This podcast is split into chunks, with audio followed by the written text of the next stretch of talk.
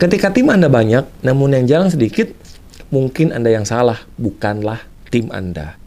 Jadi, cobalah cek di dalam diri Anda. Karena siapa tahu Anda berlindung di balik kata-kata spiritual untuk menutupi kelemahan Anda.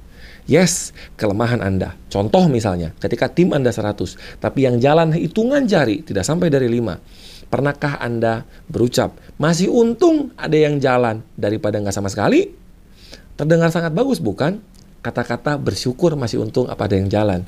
Padahal sebenarnya ketika tim Anda 100 yang jalan hanya 5 bahkan kurang dari 10 yang harus Anda lakukan adalah introspeksi diri Anda.